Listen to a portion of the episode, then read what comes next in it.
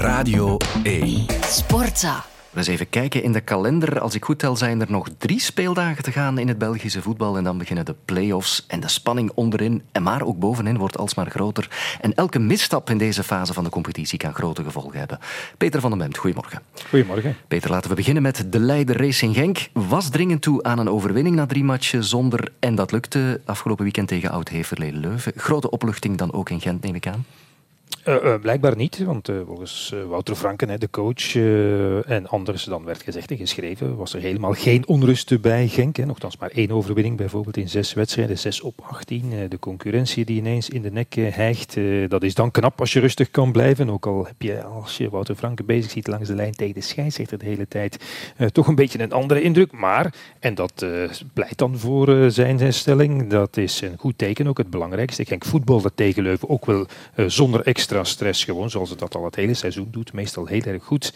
En de overwinning eh, tegen Leuven was eh, logisch, al viel de beslissing dan pas in het slot. En was de vrije trap eh, die ze kregen een grote meevaller, zoals die onbegrijpelijke penalty tegen een grote tegenvaller was. En ik moet zeggen, het was weer typisch trainers dat ze zich na afloop van de wedstrijd enkel stonden op te winden over de fase in hun nadeel. Maar gelukkig in het voetbal is twee keer mis opgeteld uiteindelijk toch juist. Dus dat viel dan mee. En Genk, dat is waar, had toch weer te veel kansen nodig om eh, te winnen. De reactie van Leuven na de rust eh, moet onderstreept worden. Dat was ook best sterk. Het had in die periode ook slecht kunnen aflopen voor de leider als je je kansen niet benut. Dus efficiëntie is toch het ordewoord, denk ik, voor de eindsprint. Ze moeten nog naar Standaard, naar Charleroi en tussendoor thuis tegen Anderlecht. Dat is best pittig om toch die drie punten voorsprong te behouden op dat eh, hardnekkig aanklampende Union dat zichzelf altijd veel energie doet of dat zelf altijd heel veel energie verbruikt door een achterstand te moeten ophalen. Maar dat blijkbaar altijd wel doet. Dus die bijten zit er toch vast in dat spoor van Genk. Ja, dat uh, eindsprinten is ingezet inderdaad in die competitie. En als je kijkt naar de Champions uh, Playoffs, uh, die drie van de vier plaatsen liggen al vast. Voor het vierde ticket is het nog volop strijd hè, tussen AA Gent en Club Brugge. Ze wonnen allebei dit weekend, maar blijkbaar, hoor ik, krijgt Gent toch de meeste stemmen. Ja, ik denk eerlijk gezegd dat als agent na volgend weekend nog voor Club Brugge staat, dat het dan eh, beslist is. En daarvoor volstaat eigenlijk één punt. Hè, want op basis van gewonnen wedstrijden blijft Gent dan zelfs met een overwinning van Club Vrijdag tegen er toch eh, voor. En het is wel thuis tegen Union dat eh, Gent moet spelen. Zijn laatste echt moeilijke wedstrijd. En in het Dudenpark, een keer voor de competitie, een keer voor de beker, was het twee keer kansloos verliezen wat Gent deed. Maar goed, daarna, want dat is waarom ik het zeg, gaat Gent het niet meer afgeven, denk ik, tegen KV Mechelen en KV Oostende. En dan voor Vooral niet omdat Gent in een eh, heerlijke flow zit, nu al een paar weken. Zoals Van Hazenbroek zelf aangaf. Uh, ongekende weelde voorin, met Orban, met Kuipers. Nu ook weer Tissoudali die terugkomt. En Gent staat nu toch zoveel verder dan in die wedstrijden waarin het kansloos verloor tegen Union. Dus ik denk dat inderdaad het voordeel toch ligt nog bij AA Gent. En uh, Noah Lang van Club Brugge heeft gelijk. Dat zou een schande zijn voor Club Brugge met dat potentieel eventuele play-off 2 moeten spelen. En ik vond Club uh, goed spelen tegen een weliswaar heel zwak KV Mechelen. Dat uh, vooral dus blijkbaar gefocust is op uh, de bekerfinale die eraan komt op 30 april. En het uh, maakte nu anders dan in Kortrijk zijn kansen wel af. Dat was het verschil natuurlijk. En het is toch een, een pluim op de hoed van Rick de Mil. Die heeft toch weer leven in die ploeg gekregen. Club Brugge stond goed, vond ik. Probeerde hoog druk te zetten. Voetbalde bij moment ook echt wel goed. En had met Noah Lang een beslissende uitblinker binnen de rangen. Dus het zou kunnen dat Club Brugge klaar is voor de eindsprint. Alleen zou het dus best kunnen, zoals ik zei, dat club die te laat heeft ingezet. En eh, volgens mij weten we, wat ik al zei, over één week meer daarover. Ja, zo is dat. We gaan verder afzakken in de tabellen. Dan komen we Anderlecht tegen. Blijft in de top 8 na een overwinning gisteren in Eupen. Ja, maar veel overschot had Paarswit daar blijkbaar niet. Nee, dat was toch wel even schrikken van het niveau van Anderlecht in Eupen. Oké, zonder Slimani en Jari Verscharen. Dat scheelt blijkbaar toch heel erg veel voor uh, Paarswit. Want er zijn geen echte één-op-één vervangers met hetzelfde profiel, dezelfde kwaliteiten.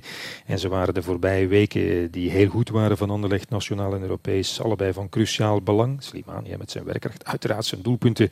En Verscharen had onder Brian Riemer grote stappen gezet. Was echt de allerbeste versie van Verscharen sinds hij jaren geleden in het het eerste elftal van Anderlecht is gekomen. En hij komt, zoals je weet, dit jaar niet meer in actie. Zou wel eens een rol kunnen spelen in die eindsprint naar play-off 2 en ook Europees tegen AZ. Want oké, gisteren Riemer zei winning ugly hè, tegen Eupen. Karakter en vestlust getoond. Maar Anderlecht heeft gewoon heel veel en geweldige dosis meeval gehad in die laatste 20 minuten. Waar, waarin het dan helemaal de controle over de wedstrijd kwijt was. Wat Riemer terecht ook had opgemerkt. En Eupen had bijvoorbeeld makkelijk drie doelpunten kunnen maken. Dan heb je hmm. vandaag toch een reuze kater. Dus het zal toch een pak beter moeten. Weer aansluiten bij het niveau van voor de interlandonderbreking. De wedstrijden die komen tegen Westerlo en Genk. Want Cerkelbrugge en Charleroi staan op een punt. En ik herinner nog even aan vrijdag zitting van het BOS.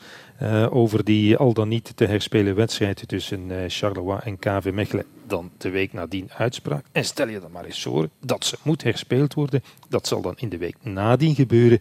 En dat betekent dan een paar dagen voor de laatste wedstrijd eventueel op dat moment een extra wedstrijd voor Charleroi erbij. Dat kan je je toch gewoon niet voorstellen, denk ik. Ja. Uh, ik wil even weg van de, de harde competitie van afgelopen weekend, Peter, naar een, een slotvraag over wat de Pro League vorige week voorstelde. Toen raakte bekend dat zij, zoals het dan zo mooi heet, pyrotechnisch materiaal gecontroleerd wil toelaten in voetbalstadions er zou een proefproject volgen volgend seizoen, als de minister daarmee akkoord gaat tenminste. Ja, wat moeten we daarvan denken?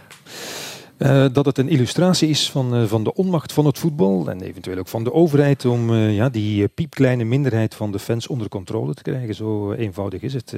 want het is duidelijk dat er ja, onvoldoende of zelfs geen afdoende middelen zijn om dat pyrotechnisch materiaal uit de stadions te bannen, wat zou moeten. En dat is toch redelijk pijnlijk. En dan begrijp ik natuurlijk wel dat het voetbal dan op zoek gaat naar een manier om dat dan op een gecontroleerde en veilige manier te laten verlopen in, in stadions en rond wedstrijden maar het blijft een uh, jammerlijke toegeving. En het uh, valt nog te bezien uh, of die fans met hun toch anarchistische aard en hun gewelddadige aard misschien, of die dan zich ineens aan de regels gaan houden en gewoon gaan toekijken hoe dat Bengaals vuur dan vooral ergens in een ander vak wordt aangestoken. Dat zou dan toch de eerste keer zijn. Daar geloof ik niet meteen in, moet ik zeggen. En ik blijf het herhalen, het slaat ook nergens op om te stellen dat voetbal en rook en vuurwerk en alles wat daarbij hoort bij elkaar horen. Of mm. dat dat nodig zou zijn voor sfeer in stadions, in de Champions League, op het WK, op het EK, op andere Europese velden, in de Premier League bijvoorbeeld. Uh, overal ben ik, uh, ben ik al bij wedstrijden geweest met een, met een daverende, adembenemende sfeer, ambiance, zonder ook maar één rookpluim. Mm. Dus wat mij betreft is dat echt niet nodig. En doe maar eens een enquête onder de fans en er zal blijken dat een overgrote meerderheid zal zeggen wij willen dat niet. Sportza.